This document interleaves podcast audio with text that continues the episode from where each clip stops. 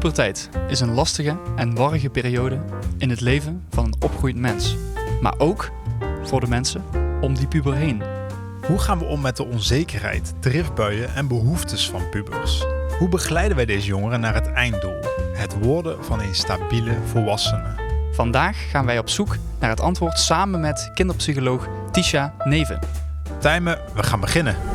Dit is Pedagogisch Verantwoord, de podcast over verhalen, meningen en de wetenschap achter opvoeden. Met Lars Limburg en Tijmen van den Beuken. Meneer Limburg, Meneer Van der Beuken, we zitten weer in een klaslokaal van Fontes Pedagogiek in Eindhoven, mijn werkgever. yes. Vanuit het klaslokaal gaan we weer iets pedagogisch bespreken. En wij zijn pedagogen, dus wij horen hier eigenlijk ook thuis. Hè? En zeker ook dit onderwerp, hè, puberteit.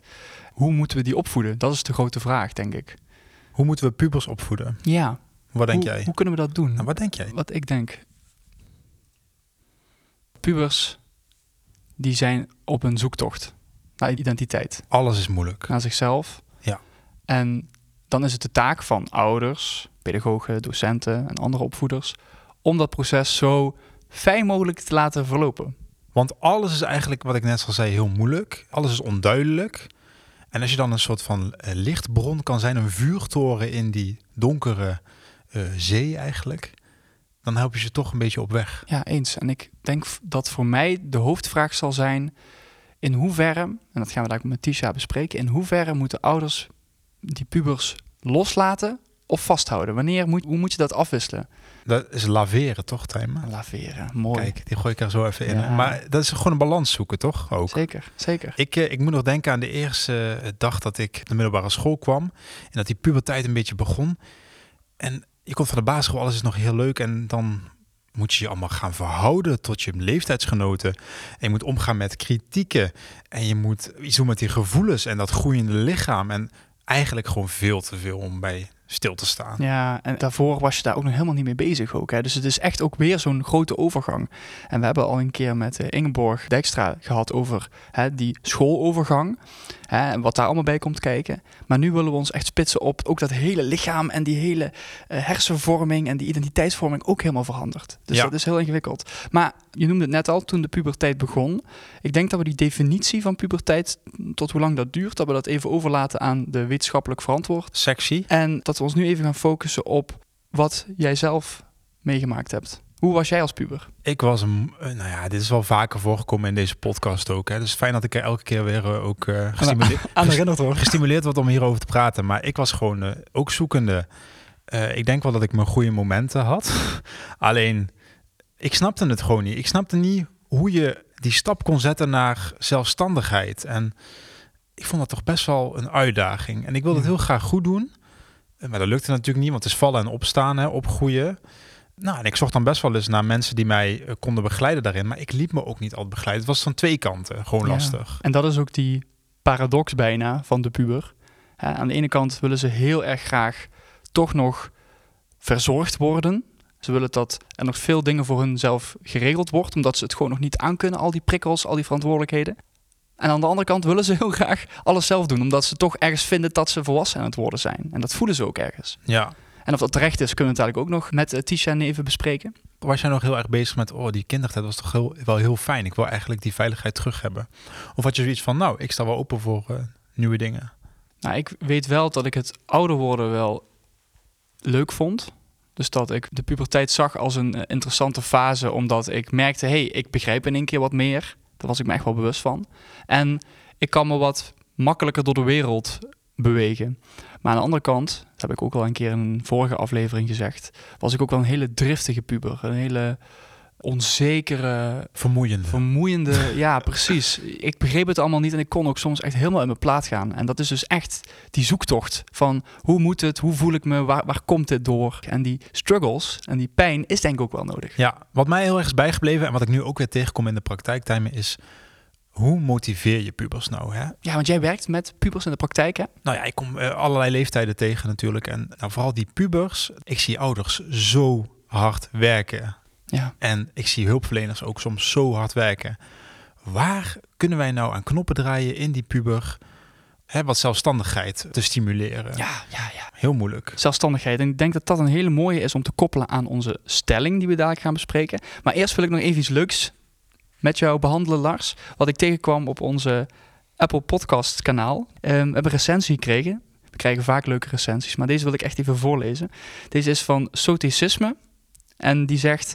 Interessant en inspirerend. Als pedagoog is dit een interessante podcast, omdat de gasten, de wetenschap en de verschillende visies per onderwerp je stimuleren zelf na te denken en je mening te vormen. Heel waardevol dus. Ja, ik vond dat een hele mooie recensie, omdat ik denk dat deze persoon echt onze, ons doel, onze missie heeft beschreven. Dat wij op zoek zijn naar de waarheid. Dat we steeds dichterbij komen, maar dan nooit helemaal zijn. Mocht je dit horen, want ik, ja, er staat geen echte goede naam bij. Dus mocht je dit horen, dankjewel voor je mooie recensie. En hoor je dit en denk je, hey, recensie schrijven, hoe moet dat? Nou, ga naar Apple, Apple Podcasts app. Daar kun je je recensie achterlaten met uiteraard vijf sterren. En als je op Spotify luistert, dan kun je ook gewoon die vijf sterren achterlaten. Dus doe dat lekker, zodat veel meer mensen onze podcast ook kunnen vinden. Maar goed, Lars, ik zie jou al uh, ons draaiboek omdraaien. En uh, ik denk dat we dus naar de stelling moeten gaan. Pedagogische stelling. Pubers krijgen niet genoeg ruimte om te experimenteren. Dus de stelling is: pubers krijgen niet genoeg ruimte om te experimenteren. Tijmen, jij ziet eruit alsof je hier wel een mening over hebt. ik had mijn denkgezicht. Ja, mensen zien het natuurlijk niet, maar ik was echt aan het uh, nadenken. Ik denk dat er steeds minder is. Ik denk dat pubers inderdaad niet genoeg ruimte krijgen om te experimenteren. Een voorbeeld daarvan is dat ouders steeds vaker en steeds langer die eh, volgapps op die telefoons zetten. Kinderen krijgen nu al in de basisschool vaak een smartphone. En daar zetten, ze, zetten ouders dan vaak zo'n eh, volgsoftware op. We hebben ook al in de podcast 1 eh, besproken met Maaike Kooijmans. Om fouten te controleren. Precies. En dat blijft steeds langer op die telefoon staan, waardoor ouders kunnen zien waar die puber uithangt. En ik heb op menig puber gesproken die dat echt heel erg vervelend vindt. Die echt niet leuk vindt dat die ouders steeds in de gaten houden. Oh, ben je weer bij die? Of ben je weer op dat speeltuintje? En die pubers, denk ik, moeten af en toe eens langs de lijntjes kleuren. En die mogen ook eens ontdekken hoe het is om dingen te doen die niet helemaal goed gaan. Die, die, die grenzen mogen opgezocht worden, want dat is, dat is juist die tijd. Daar bestaat de puberteit voor. Ik vind dat we ze die kansen niet mogen ontnemen. En natuurlijk, we moeten ze niet in gevaarlijke situaties laten komen. En natuurlijk moeten wij als ouder en als pedagoog en als docenten afspraken maken en in gesprek blijven gaan over die grenzen en waar we die grenzen moeten stellen. Maar we moeten pubers die grenzen laten opzoeken. Wat een mooi standpunt eigenlijk, Tijmen. Thanks. Ik ga er toch een beetje uh, anders in, denk ik. Ik denk, experimenteren klinkt voor mij een beetje op de Bonnefoy dingen maar uitproberen. En dat vind ik niet goed. Ik denk dat pubers uh, wel begeleiding nodig hebben. En experimenteren is voor mij een beetje een woord wat die begeleiding een beetje naar de achtergrond duwt. Ja. Dus ik vind het belangrijk dat pubers de ruimte krijgen om fouten te maken. Want dat heb ik zelf ook gemerkt dat dat heel belangrijk is. Want anders ga je denken dat je het misschien wel niet kan. Of ga je het helemaal niet meer durven of vermijden. Ja. Uh, maar ik had wel iemand nodig. En ik probeer dat nou ook in mijn werk te doen. Iemand die uh, dingen duidt. Okay. Zodat er een soort begeleid uitproberen plaatsvindt. Ah, ja. Ja. En experimenteren heeft voor mij toch een te negatieve lading. Te, te random, te...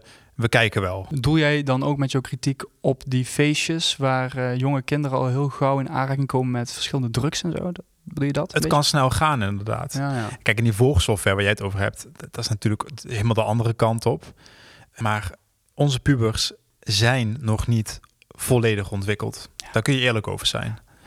Dus dan is er nog begeleiding nodig en duiding, vertaling van de wereld om hun heen. Interessant, Lars, interessant. En nu gaan we dus afwachten of de wetenschap en het gesprek met Tisha onze mening hierover gaat veranderen. En dan komen we op het einde van het gesprek, op het einde van deze aflevering, komen we daar op terug. Lars, pakt die wetenschappelijke literatuur er maar bij. Wetenschappelijk verantwoord. Ja, Tijmen. En die Bijbel over pubers is natuurlijk het boek Het puberende brein van Evelien Kroon. En zij is hoogleraar ontwikkelingsneurowetenschap in de maatschappij. En we hebben hem hier ook liggen. Ja, uh, het grote standaardwerk over pubers. Ja, niet te veel promotie maken natuurlijk, maar hier staat wel alles in, toch? Ja, dit ligt ook bij menige ouders op het eh, nachtkastje. En het boek wordt ook om de zoveel jaar wordt dat ook eh, weer opnieuw uitgebracht. En er wordt de nieuwste wetenschappelijke kennis, als het gaat over het brein van pubers, wordt daarin eh, gebundeld. Hè? Dus zodat ouders niet al die moeilijke wetenschappelijke literatuur hoeven door te spitten. Het interessante van het boek is, je leert het brein van pubers begrijpen, denk ik. Maar je kan er niet zozeer op handelen. Ik denk dat begrip van dat je weet waarom pubers dingen doen en dat sommige gedragingen gewoon echt horen bij de leeftijd, dat dat ouders echt wel rust kan geven. Die concrete definitie van adolescentietime, dat is het proces van opgroeien tot een volwassen lid van de maatschappij. Oké, zo beschrijft zij dat. Ja. Oké. Dus dat is eventjes voor die definitie, hè, dat we die in Mhm. ieder geval hebben gehad. Ja. Door verschillende studies binnen diverse culturen met elkaar te vergelijken, zegt zij, kun je stellen dat de adolescentie gemiddeld van het tiende tot het 22e levensjaar duurt. Oké, dat is de adolescentie. De adolescentie duurt dus van 10 tot 22. Oké. Oké, Ja, maar die puberteit die is net daarvoor, Tijmen. Die is van 10 tot 15 jaar. dus daar hebben we het vandaag over. Echt die 10-jarige tot 15-jarige. Dus dan zit je 10 net op het einde van de basisschool. En die 15 zit je dus echt in die middelbare Ja, school. dus als je als ouder klaagt over jouw 17-jarige zoon die zo eh, pubert, Mhm. dan heb je het eigenlijk al niet goed begrepen. maar dat, is, eh, dat zijn de harde lijnen inderdaad. Zeker, zeker. Ja, en een paar interessante feitjes uit dit boek. Eh, Pubers zitten in een voortdurende jetlag.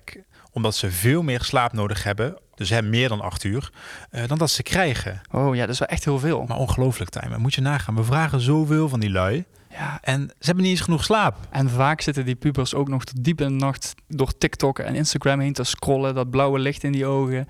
En dan moeten ze natuurlijk weer heel vroeg op om naar die middelbare school te gaan. Ja, dan, natuurlijk zitten ze daar als zombies eh, in de klas. Ja, om, en dan eh, kijken wij die- ze aan, Tijmen, van... Waarom heb jij geen vriendjes? Waarom heb je geen clubjes? Waarom heb jij geen eh, eh, mening hierover of daarover? Ja, en omdat dat lichaam natuurlijk al aan alle kanten ontwikkelt, die hormonen, die spiermassa, alles wat erop en eraan, vraagt dat lichaam dus om superveel slaap. Ja. En ik, ik las ook in datzelfde boek ook een interessant feitje dat in Amerika ook een aantal mensen hebben gepleit om de middelbare scholen later te laten beginnen. Puur door dit feit. Je bedoelt later eh, op de dag. Ja, later op de dag. Dus gewoon om tien uur of zo in plaats van eh, half negen of negen. Hadden ze dat bij ons niet als experiment kunnen gaan eh, beginnen toen, toen wij nog naar school gingen? Het zou wel fijn zijn geweest, ja. Lars, wat staat er nog meer? Ja, dit is wat ik zelf heel erg altijd uit dit boek heb gehaald. Is dat pubers hebben moeite om de lange termijn te overzien. Daarom hebben ze impulsiever gedrag. Maar dat is dat brein, Tijmen. Als jouw brein nog niet volledig ontwikkeld is, ja, dan is het lastig om de langere termijn te Ja. overzien. En dat verklaart onder andere ook dat die drang voor experimenteren. Want ja, gewoon lekker doen, want ja, wat maakt de toekomst nou uit, weet je wel? Want dat kunnen we nog niet overzien. Dus laten we het gewoon nu proberen, want ik ben benieuwd, ik ben nieuwsgierig, ik ben jong. Maak het allemaal uit. Kijk, het is gewoon, dit boek is een aanrader als je in begrijpelijke taal wil lezen over het gedrag en de hersenontwikkeling van jouw pubers. Mooi, Lars. Dan gaan we van een hele mooie, simpele, overzichtelijke bron naar een toch een ingewikkelde, volgens mij, maar toch super interessant eh, werk. Wat jij hier voor je hebt liggen, Lars. Eh, wat is dit? Ja, dit is een geredigeerde bundel en die eh, gaat over het werk van Freud, Sigmund Freud. Oké, oké. Kijk, en Sigmund Freud had al heel veel geschreven over de opvoeding hè, en over hoe, ja, hoe het werkt. Die verhouding tussen ouders en kinderen ook heel erg. Ja, ja. En misschien moeten we ook even de luisteraars meenemen in wat een geredigeerde bundel is. Hè? Want dat, ik kan me voorstellen dat niet iedereen dat weet. Want dat is eigenlijk een soort van heel groot wetenschappelijk boek. Dat vaak door een aantal wetenschappers is samengesteld. Maar elk individueel hoofdstuk heeft vaak een andere schrijver. En dat wordt eigenlijk ook gezien als een apart artikel. Dat kan over een heel ander onderwerp gaan. Maar dat hele boek heeft dan een overkoepelende titel. En hoe heet dit grote werk dan? Ja, dit werk heet driehoeksverhoudingen, actuele oedipale variaties. En dat is van psychiater Kinet en psycholoog en psychoanalyticus Heuves. Wat staat er allemaal in dat boek? Nou ja, als je Sigmund Freud een beetje kent, en dat gaat over de psychoanalyse. Oh ja, wat is dat ook alweer? Ja, dat betekent dat bepaalde gedragingen voortkomen uit onbewuste processen uit jouw jeugd. Ja. Dus dat jij nou zo druk bent, kan best wel liggen aan, ehm, aan dat er processen uit jouw jeugd nog niet helemaal hun plekje hebben gevonden. ja. Of daar nog iets mee moet. En psychoanalyse ligt ook echt tussen filosofie en psychologie in. Hè? Het is een beetje zo'n grijs gebied, zo wordt het vaak genoemd. Hè? Zeker, zeker. Eh, maar wat voor ons interessant is vandaag hè, in de aflevering van puberteit, is dat Heuven ziet in Freud de ultieme beschouwing van die puberteittijmen. Oh. Voor een kind zijn ouders lange tijd perfect en almachtig.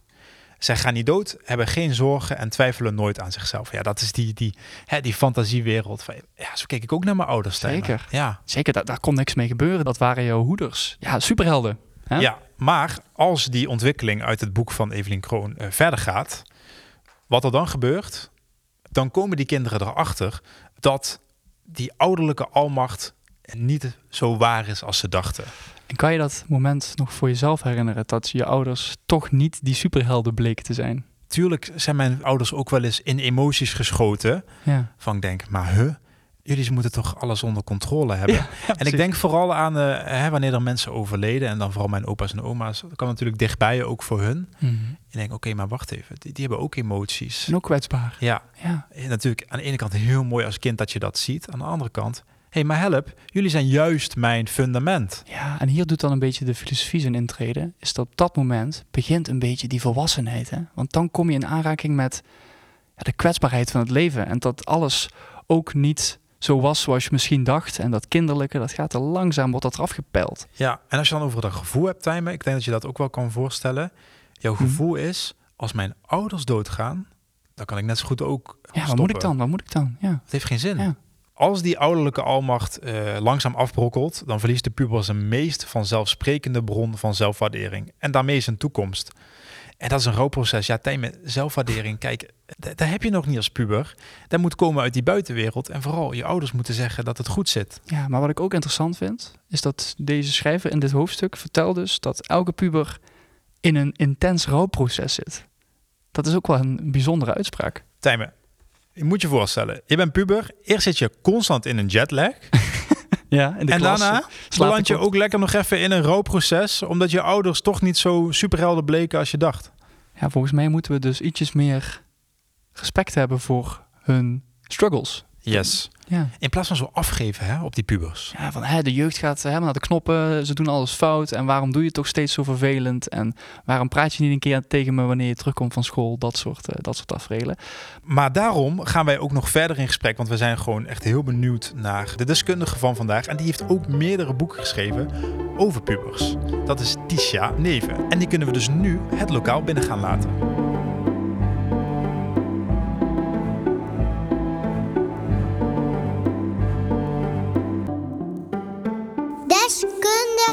Verantwoord. Bij ons aan tafel geschoven Tisha Neven, kinderpsycholoog en opvoedkundige en auteur.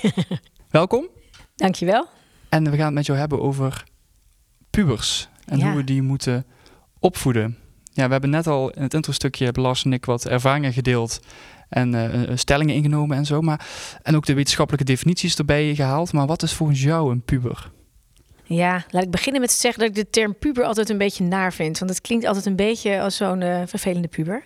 Van mijn zoontje mag ik hem eigenlijk geen puber noemen. Die is nu ook een puber. Ja. Vanaf de tienerleeftijd tegenwoordig kun je wel zeggen dat je al de pre-puber eh, Mhm. is natuurlijk al eerder. En dan de middelbare schooltijd door, zeg maar. Dat is een beetje wat ik over deze periode versta. En, Ja. ja. Dat werkwoord, hè, dat puberen, dat hoor je ook vaak. hè. ja, Ik snap wel dat ze dat niet fijn vinden eigenlijk. Er hangt een soort negatieve lading aan die je als kind natuurlijk niet echt wil. En eh, m- mijn boek heet Pubers zijn leuk. Omdat Ja. ik dacht, dat, dat is nou precies wat ik zo graag wil vertellen. Want er hangt wel echt een lading aan het woord en aan de leeftijds... Ja, want je zei net al eh, kinderen. Zie jij ze nog echt als kinderen? ik vind dat de schatten zijn natuurlijk eigenlijk een beetje tussen tafellaken en servet. Weet je, ze zijn eigenlijk nog wel echt kinderen. En heel vaak ook nog dat ze nodig hebben eh, dat je heel erg die ouders bent die ze ook nog een beetje zo helpt als kinderen, er bent als kinderen en alles. En aan de andere kant willen ze natuurlijk al heel groot zijn en worden ze ook steeds groter. Dus met name dat hele proces van kind tot adolescent uiteindelijk, dat is natuurlijk de spanning voor het kind zelf. Maar ik begeleid veel ouders en het is Mhm. minstens zo'n grote uitdaging voor de ouders om dat van kind naar kleine volwassenen te gaan begeleiden. Ja, ja. En dat los te laten en, en, en die veranderingen aan te gaan. En, eh, Het lijkt me ook heel moeilijk hoe je als puber nou gezien wil worden eigenlijk. Hè? Want je wil aan de ene kant nog wel die begeleiding en die veiligheid van je ouders. Aan de andere kant wil je ook gewoon een beetje uitvliegen hier en daar. ja. hoe ga je daar een beetje tussendoor als ouder en opvoeder? Ik vind het allerbelangrijkste dat je als ouder het met je kind samen probeert te doen. Dat je echt gedurende al die jaren het contact houdt en die verbindingen houdt. En daar zit denk ik de, de, de clue. Mhm. Als je dat doet En echt luistert vanaf. Ja, ik, ik vind dat mooi vanaf dat kinderen heel klein zijn hoor. Dus dat maakt het ook makkelijker om dan die puberteit in te gaan. Als je al van jongs af aan met Hmm. je kind samenwerkt, niet het gevoel hebt dat jij bepaalt en dat jij degene bent die beslist. Maar als je dat al van jongs af aan op een manier doet die eigenlijk vroeger Ja. eh, meer bij die puberteit hoorde. Hè, van dan moet je gaan overleggen in plaats van opleggen. Ja, volgens mij is het al heel goed om daar veel jonger mee te beginnen. Dus dan is die overgang ook minder groot. Maar dat is wel de overgang die voor veel ouders heel lastig is. Omdat je ineens toch echt wel het echt samen moet gaan doen. En anders krijg je enorm veel strijd en gedoe. Ja, maar hier zeg je wel iets interessants. Hè? Want in de, in de intro-time hadden wij het ook over welk doel hebben pubers nou eigenlijk. Hè? ja. En als je het hebt over samenwerking, dan werk je toch naar een doel toe of zo. Hè? Wat- is dan het gezamenlijke doel waar je met pubers aan werkt? Nou, ik denk vooral aan dat vormgeven aan, aan wat er bij hun nieuwe leventje hoort. En die, die verandering die daarbij hoort. Hè? Het loslaten, eh, je eigen leven krijgen. Meer gaan halen uit je levensgenoten, uit je vrienden, uit de buitenwereld. Meer zelf daarin gaan staan. Ja, en daar moet je als ouder eh, minstens zo hard in meegroeien en in mee wennen. En dat is zeker bij een eerste kind, wat in die leeftijdsgroep komt, natuurlijk heel lastig. Ja. Maar ook bij een tweede, want ze zijn zo anders. En de een knalt al op zijn tiende dat je denkt, ah, Ja. het is Ja. begonnen. En bij de ander duurt dat veel langer. En sommigen beginnen pas als ze 16, 17, 18 zijn. Dat je denkt, ik dacht dat ik er goed doorheen fietste met mijn kind. Ja. Dus het is zo verschillend voor elk kind. En ook hun onzekerheden erbij. En de uitdagingen erbij. En de uitdagingen van het leven. Dat deze tijd natuurlijk al helemaal. Dat het echt ja, een gezamenlijk doel is van hoe ga je gewoon zo veerkrachtig mogelijk. Want dat is wat ik denk dat Mhm. we onze kinderen allemaal moeten meegeven. Maar zeker in deze leeftijd. Zo veerkrachtig mogelijk en met vertrouwen in jezelf en respect voor jezelf en de ander eh, er doorheen komen. Dat is denk ik het doel wat je als ouder en kind hebt. En hoe meer je dat gezamenlijk doet, hoe leuker het is. En ja, hoe, hoe hoe fijner het is voor jullie allebei. Maar, en hoe makkelijker het verloopt, denk Ja. ik. En ik spreek ook ouders die dan dit zeker zouden beamen, wat jij nu zegt. Maar die dan ook tegen mij zeggen van ja, Tijmen, die puber die komt eh, elke dag thuis van school. Die gaat meteen zonder iets te zeggen naar boven. Hoe kan ik met zo iemand een verbinding aangaan? Hij of zij zegt helemaal niks meer tegen me. Wat, wat, wat zeg je dan tegen die Ja, ouders? klopt. Die spreek ik ook veel. En dat is het meest, meest gehoord wel. Van ik wil wel. En als ouder heb je ook de neiging van nou, nu zit ik helemaal klaar voor met mijn koekje en mijn kopje thee. ja, dat is meestal niet het moment dat jouw kind daar zin in heeft. Nee. Het is echt blijven kijken van waar kan ik die aansluiting met mijn kind vinden. En dat is voor veel ouders echt wel lastig als je een kind hebt wat dat niet meer van nature opzoekt. Er zijn altijd ingangen waar jij de verbinding kan zoeken. Alleen het zijn vaak de plekken en de momenten waarop jij als ouder denkt niet weer zo'n scherm of gamen of doen. Maar daar zit de ingang waar hun interesse zit. Oh. Ehm, Maar hoe zie je dat dan? Moet je dan naast zo'n kind gaan zitten wanneer die aan het Nou, gamen is of zo? interesse tonen, eh, verplaats je erin, weet wat ze spelen en vraag het. Ja, Oh. niet zo leuk als je kind vragen: wil je me eens vertellen wat Fortnite dan is, of wat voor, hoe dat FIFA-spel werkt, of waarom je nooit kan stoppen als ik wil dat jij wel stopt, Ja. waarom het zo enorm verslavend werkt, waarom je er zo heel kwaad van kan worden. Als je ziet wat er gebeurt en als je dat gaat, sna- snap je echt waarom het zo frustrerend is. En dan kom je al sowieso dichter bij je kind op een stuk waar veel jongeren, zeker de jongens natuurlijk, eh, zich heel veel in bevinden. Maar hetzelfde geldt voor de meiden die en de jongens die op TikTok en Snapchat zitten.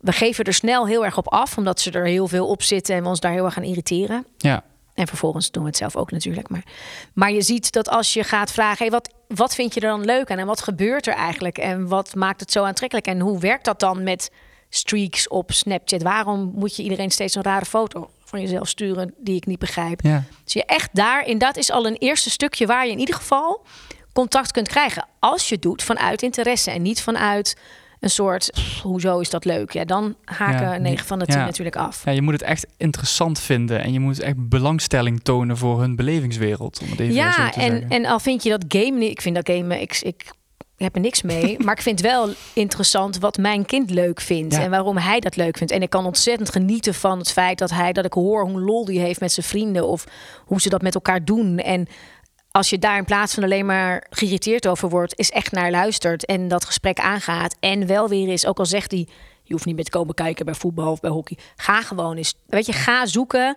waar de ingang samen zit. En ga ook daarover het gesprek aan van, weet je, je hebt je eigen leven, je trekt je terug op je kamer. Dat hoort er allemaal bij, dat is oké. En ik wil ook af en toe nog dat wij een gezin zijn en dat we samen contact hebben. Dus hoe gaan we dat doen? Waar vinden we elkaar? Ja. Tisha, dat zijn natuurlijk de leuke dingen waar je met je kind over in gesprek kan gaan. Maar heel veel ouders die zoeken denk ik ook naar een weg om het huishouden samen aan te gaan met Ja. die kinderen. Hoe zie jij dat precies? Nou ja, dat is denk ik ook een stuk. Als wij natuurlijk bepalen wat er moet en wat we willen en hoe wij dat willen, dat kan.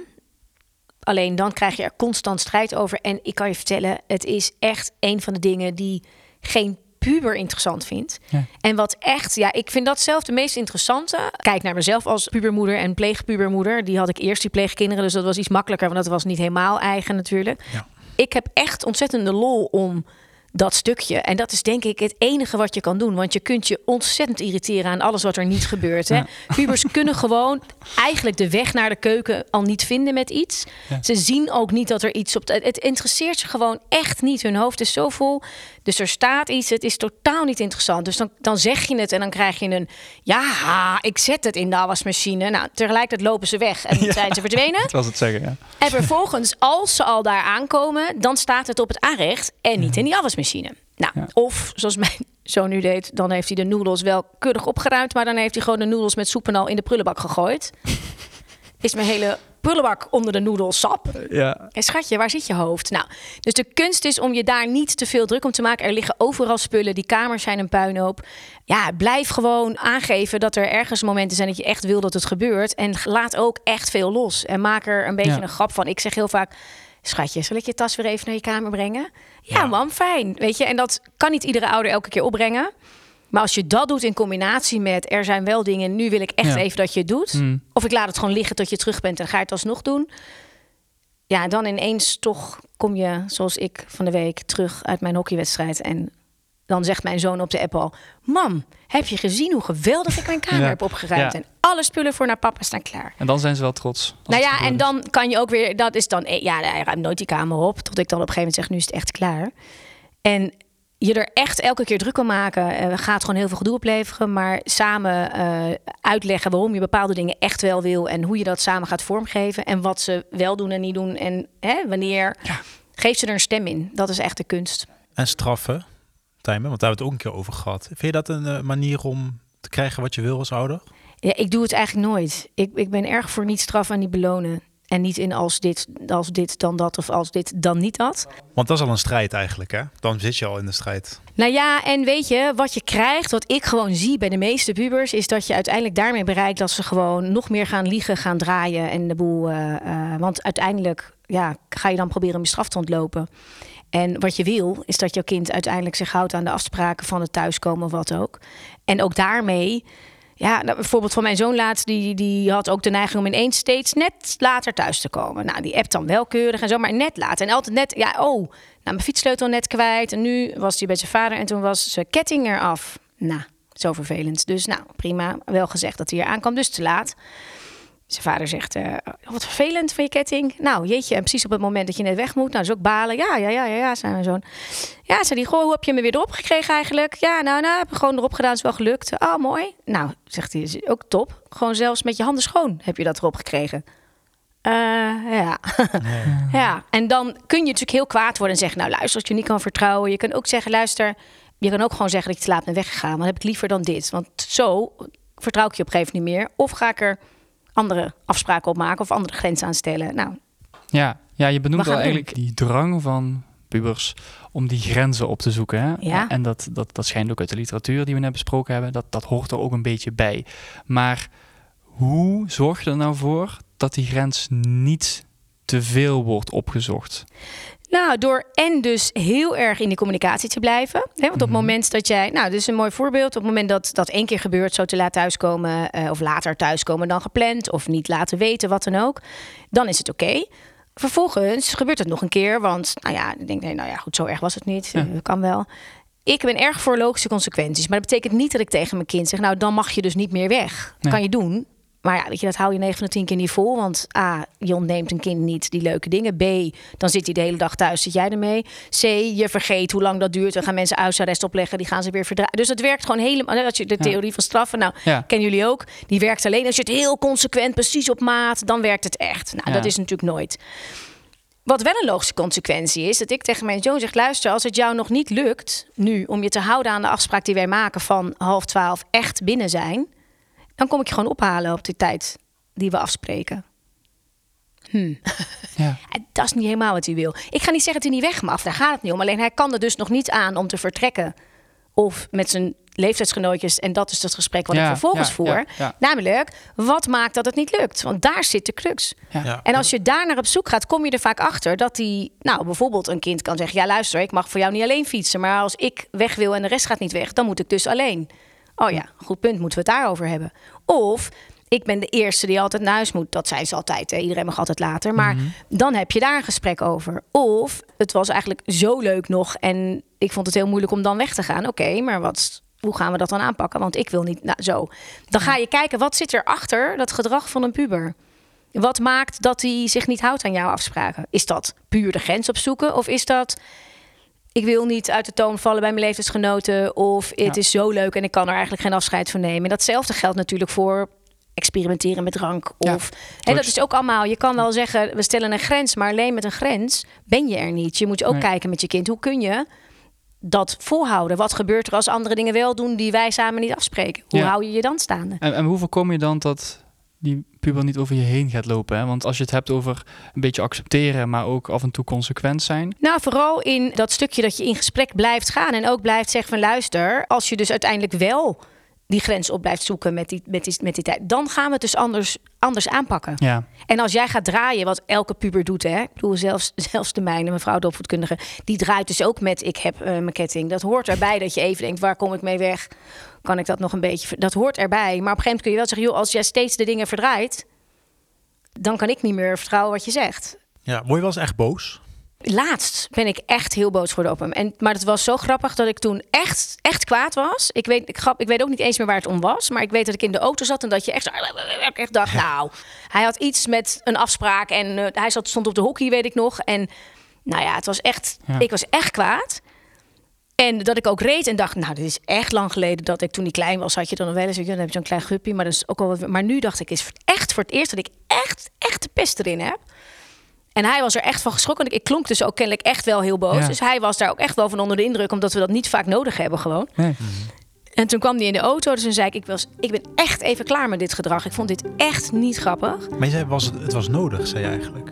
Je luistert naar Pedagogisch Verantwoord met Lars Limburg en Tuin van den Beuken. Nou, het, ja, het was nu echt even dat ik dacht, nu is het gewoon, dit is echt mijn grens over. Ja. En ik- dan kun je eigenlijk niet eens meer weten wat het was. Het was niet iets heel ernstigs, maar wel dat ik dacht, nee, dit vind ik echt, echt niet oké. dat je Ja. gewoon je zo niet houdt aan wat wij afspreken. Ja, en zo'n grens van zijn ouder hoeft ook niet altijd een consequente grens te zijn. Hè? Jij hebt ook gewoon je, je Ja? ding, je werk, je, dat je een keer moe bent. Dat, eh, Zeker. Dus, dus da- daar moeten kinderen denk ik ook mee kunnen omgaan. Ja, en ik zei het ook tegen hem. Ik zei, ik ben, ik ben echt, ik was echt even heel kwaad. En toen zei hij, ja, dat weet ik. Sorry, mam. En toen zei ik, ja, nou ja. Een gegeven moment zei ik, toen waren, hij zat naast mij te mokken en ik zat hier. En hij was wel een beetje dat hij dacht, hoe?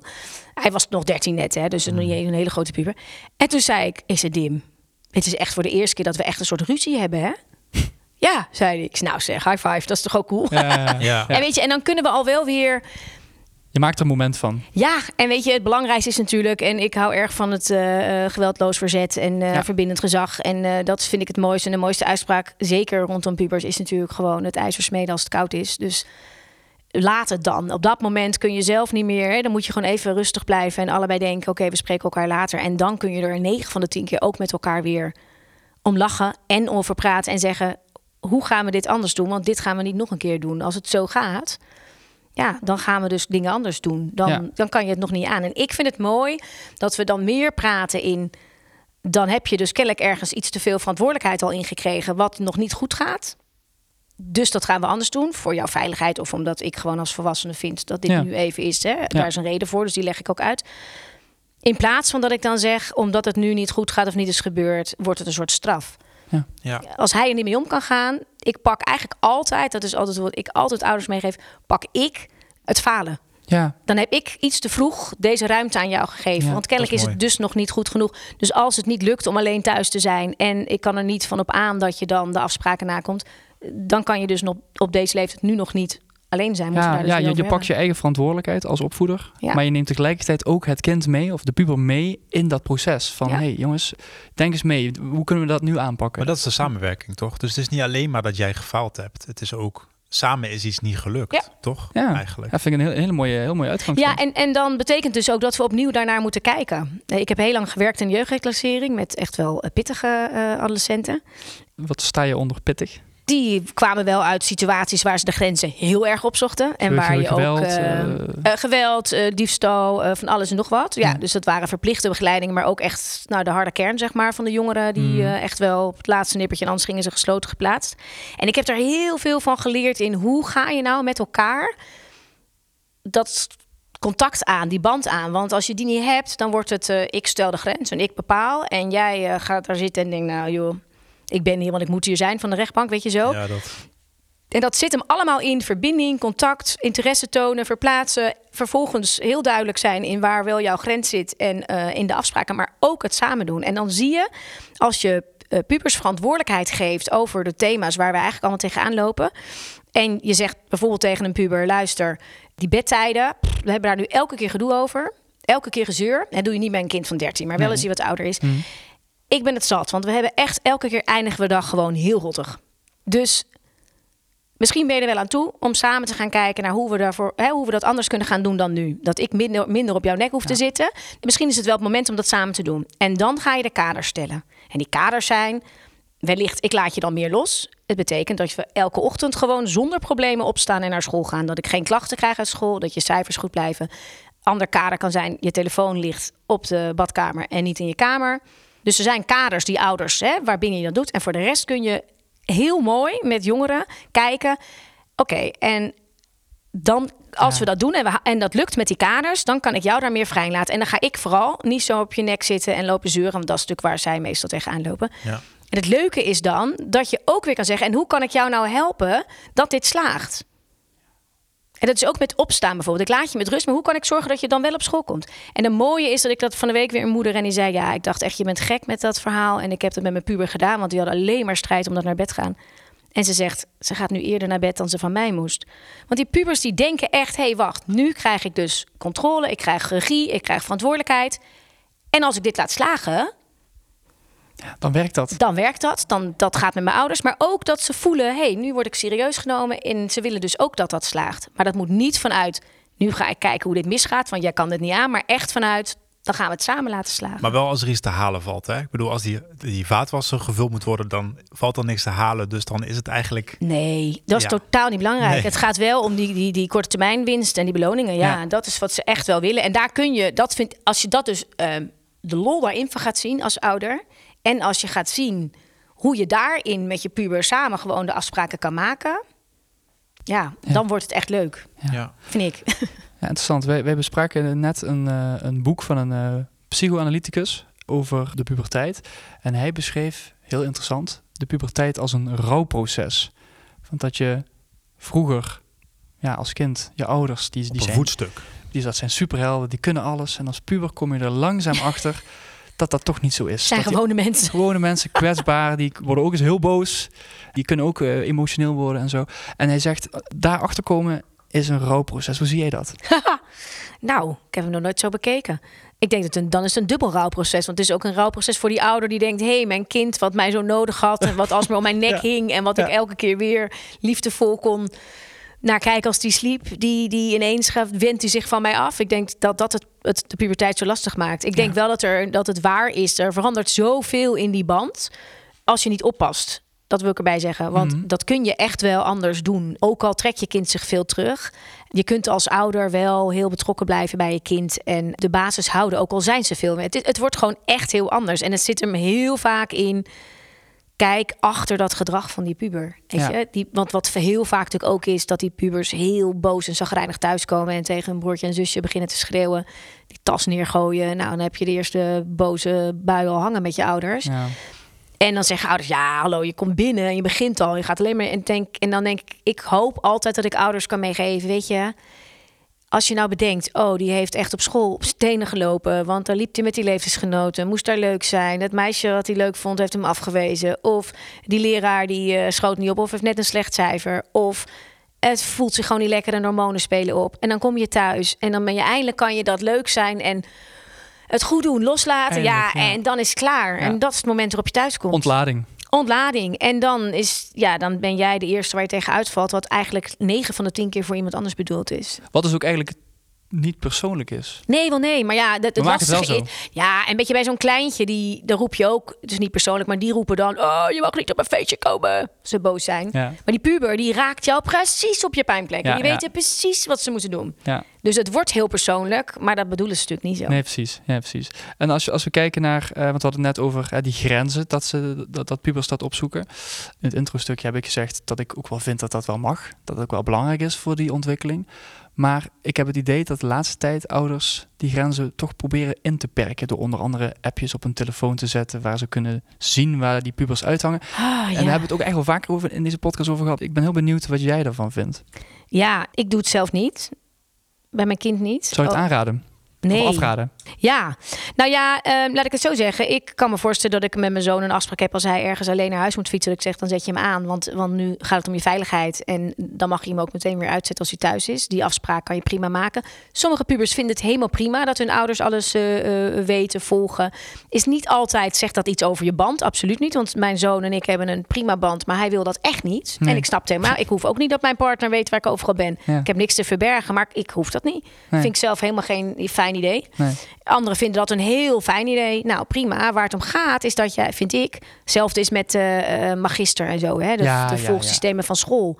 Ja, weet je, een beetje puber moet gewoon kunnen denken: ah, moet ik deze vier al vertellen of kan ik er nog eentje mee wegkomen? Nu weten ouders soms al eerder dat ze thuis zijn dan dat ze thuis zijn dat ze te laat waren of dat ze eruit zijn gestuurd. En dat vind ik echt niet gezond bij deze leeftijd. Zij mogen hun eigen dingen doen. En zolang dat vanuit, hè, ik check, eh, kijk, heus wel heeft hij weer 86 uur uitval. Dus hoe laat is hij thuis? En Ja. dan ben ik er. Ja.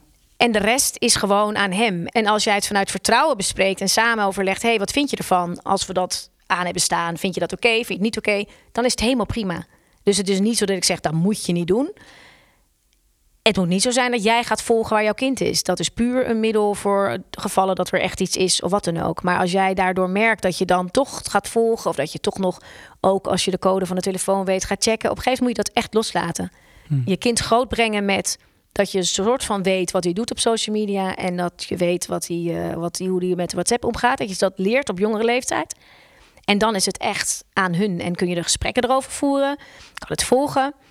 Maar moet je niet meer achter hun rug om. Dan is natuurlijk alle veiligheid en, en vertrouwen is weg. En dan werk je ook in de hand dat jouw kind ach- achter jouw rug om de dingen doet. Die Maar het niet is, ja, deze ouders zijn soms gewoon wel angstig. Ja, er zijn eh, drugs en er zijn eh, op social media hele harde mensen. En ook mensen die hè, je zomaar kunnen verleiden tot allerlei dingen. Ja. Wat zeg je dan tegen die ouders? Ik vind het verschrikkelijk. En wat dacht je van het verkeer en zo? En al die Ja. mensen en alle berichten die je krijgt gevaren. over jongeren die allemaal... Ach, hou op. Ja, zeker. Ja, kidnappers of wat dan ook, kinderlokkers. Kinderlokkers, kidnappers, eh, nou, maar ook eh, gewoon eh, het, het verkeer wat, ja, Ja, en, die, ja. en die jongeren die dan ook nog eens op die telefoons op die fiets gaan, dat je, oh, je wil het liefst overal achteraan fietsen om te kijken of het goed gaat. En toch is het niet wat je moet doen. Als je vanuit die angst gaat leven, dan krijg je echt een hele zware tijd met je puber. Waar het om gaat is dat je voldoende feeling houdt met het leven van je puber en dat je hem ook die ruimte gaat geven, maar dat je wel de gesprekken blijft houden samen. En dat is natuurlijk klinkt makkelijker dan het is. Zeker bij gesloten jongeren. Hè, die vraag krijg ik ook vaak. Ja, die van mij praat niet, die zegt weinig. Dan is het dus ingangen zoeken en momenten zoeken en de signalen opvangen op het moment dat ze net wel even iets laten vallen. En daar moet je als ouder echt alert op zijn. Dat is vaak in de auto, als jij geen tijd hebt. Ja. Tijdens de afwas die we niet meer doen. Ja, Dan gaan ze toch iets laten vallen. En dan moet je niet denken, ik ben nu even druk. Dan moet je eigenlijk echt zorgen dat je er Ja, bent. maar dat, is echt heel essentieel wat je zegt. Dus je moet als ouders en als andere opvoeders, misschien ook wel professionele opvoeders, echt die oren spitsen op die momenten. Van oké, Ja. eh, nu komt er misschien iets naar boven uit van die dag. En wat, wat zijn dan echt de rode vlaggen als je die hoort, eh Tisha? de kunst is dat je de momentjes eruit pikt waarop zij net even wel iets laten vallen of willen praten. En dan is ja, ik zeg altijd erbij, dan is onze neiging om, ook als wij ergens merken, hé, hey, wacht, hier klinkt iets over een vriend die weet ik het wat gedaan heeft. Want daar gaat bij ons iedereen. "Huh? Eh, Jij gaat toch niet drinken en jij doet toch niet dat? En eh, pas op en denk erom. En dan gaan we preken en waarschuwen en alles. Ja. En de kunst is, als je een ingangetje hoort, krijgt, dan moet je hummen. Ja. Mhm. Hmm. Oh, vertel. Luisteren. Luisteren, hummen.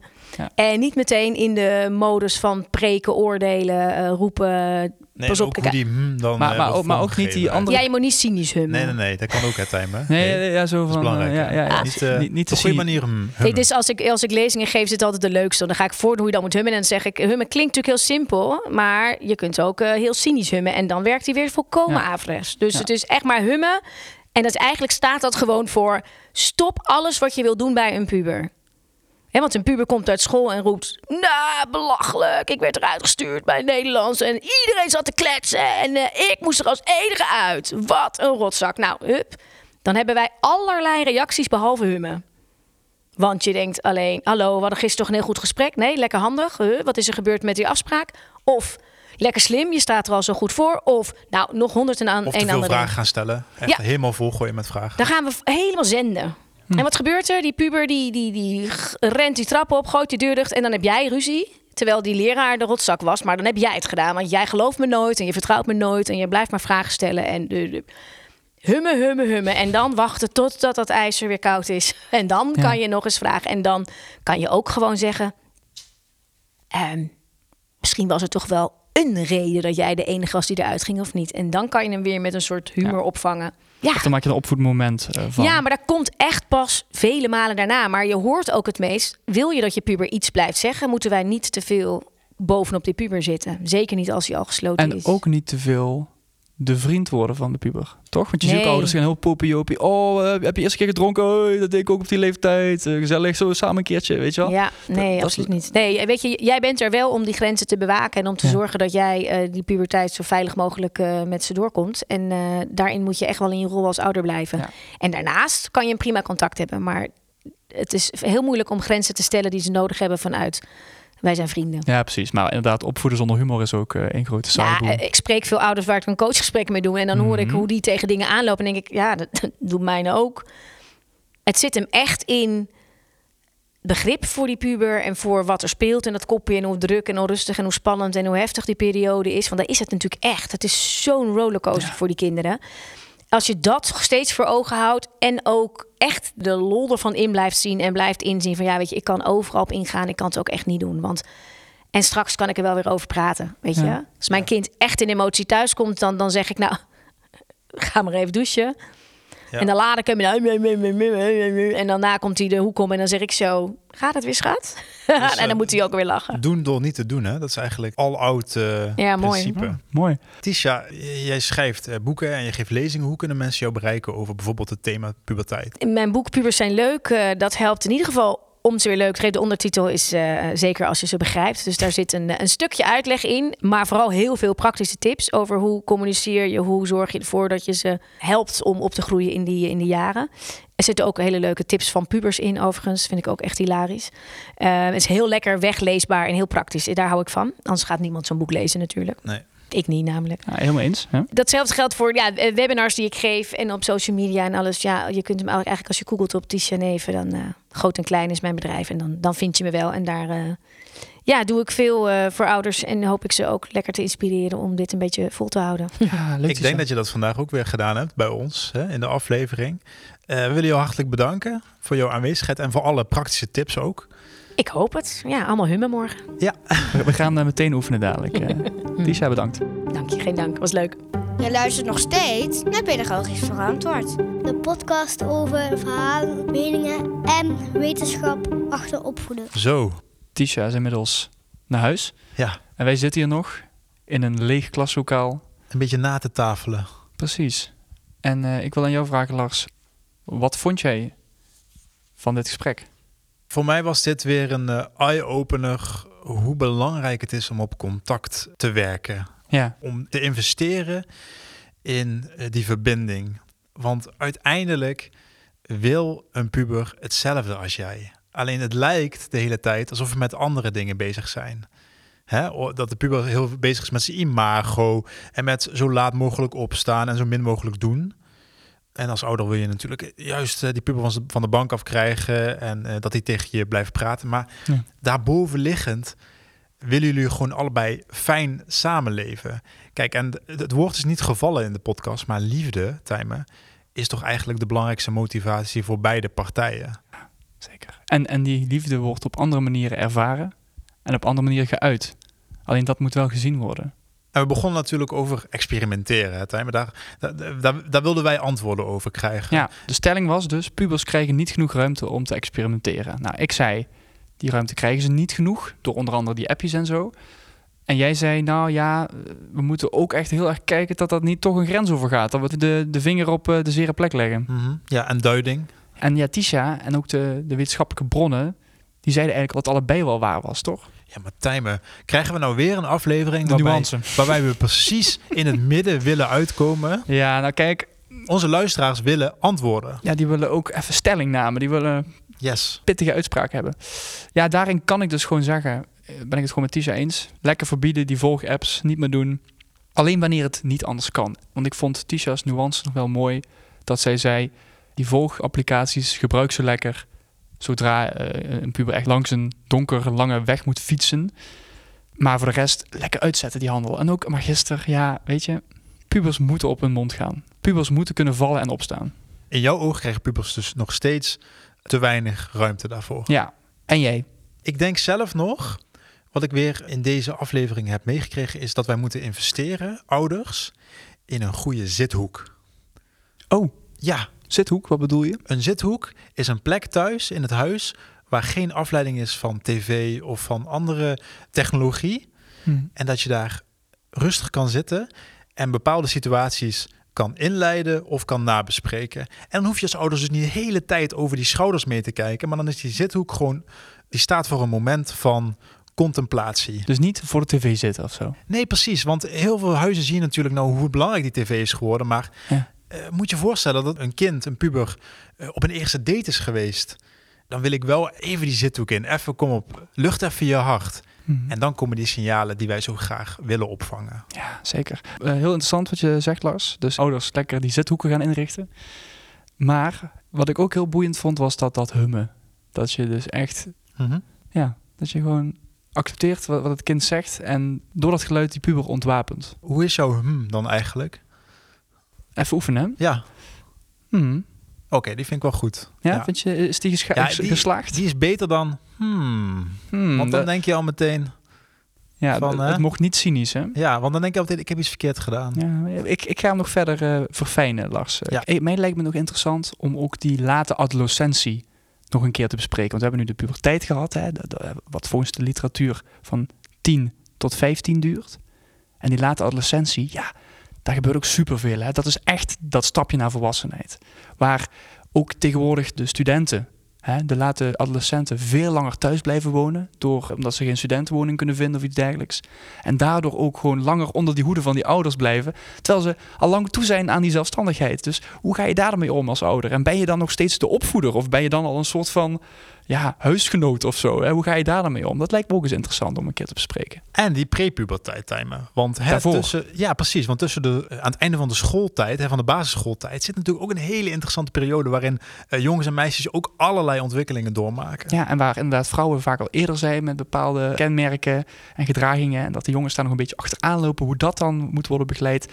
Lars, ik zie weer allemaal mogelijkheden voor toekomstige afleveringen. Ja, en als je als luisteraar nou denkt, hier hebben ze het nog niet over gehad. En dit is een heel goed thema wat bij mij in de praktijk nu bijvoorbeeld speelt. Hè, dat kunnen zowel ouders als professionals zijn. Laat het ons dan weten via die eh, social media. En totdat die nieuwe afleveringen er zijn, wil ik aan jou als luisteraar vragen. Blijf alsjeblieft zoveel mogelijk. Pedagogisch verantwoord. Tot de volgende keer.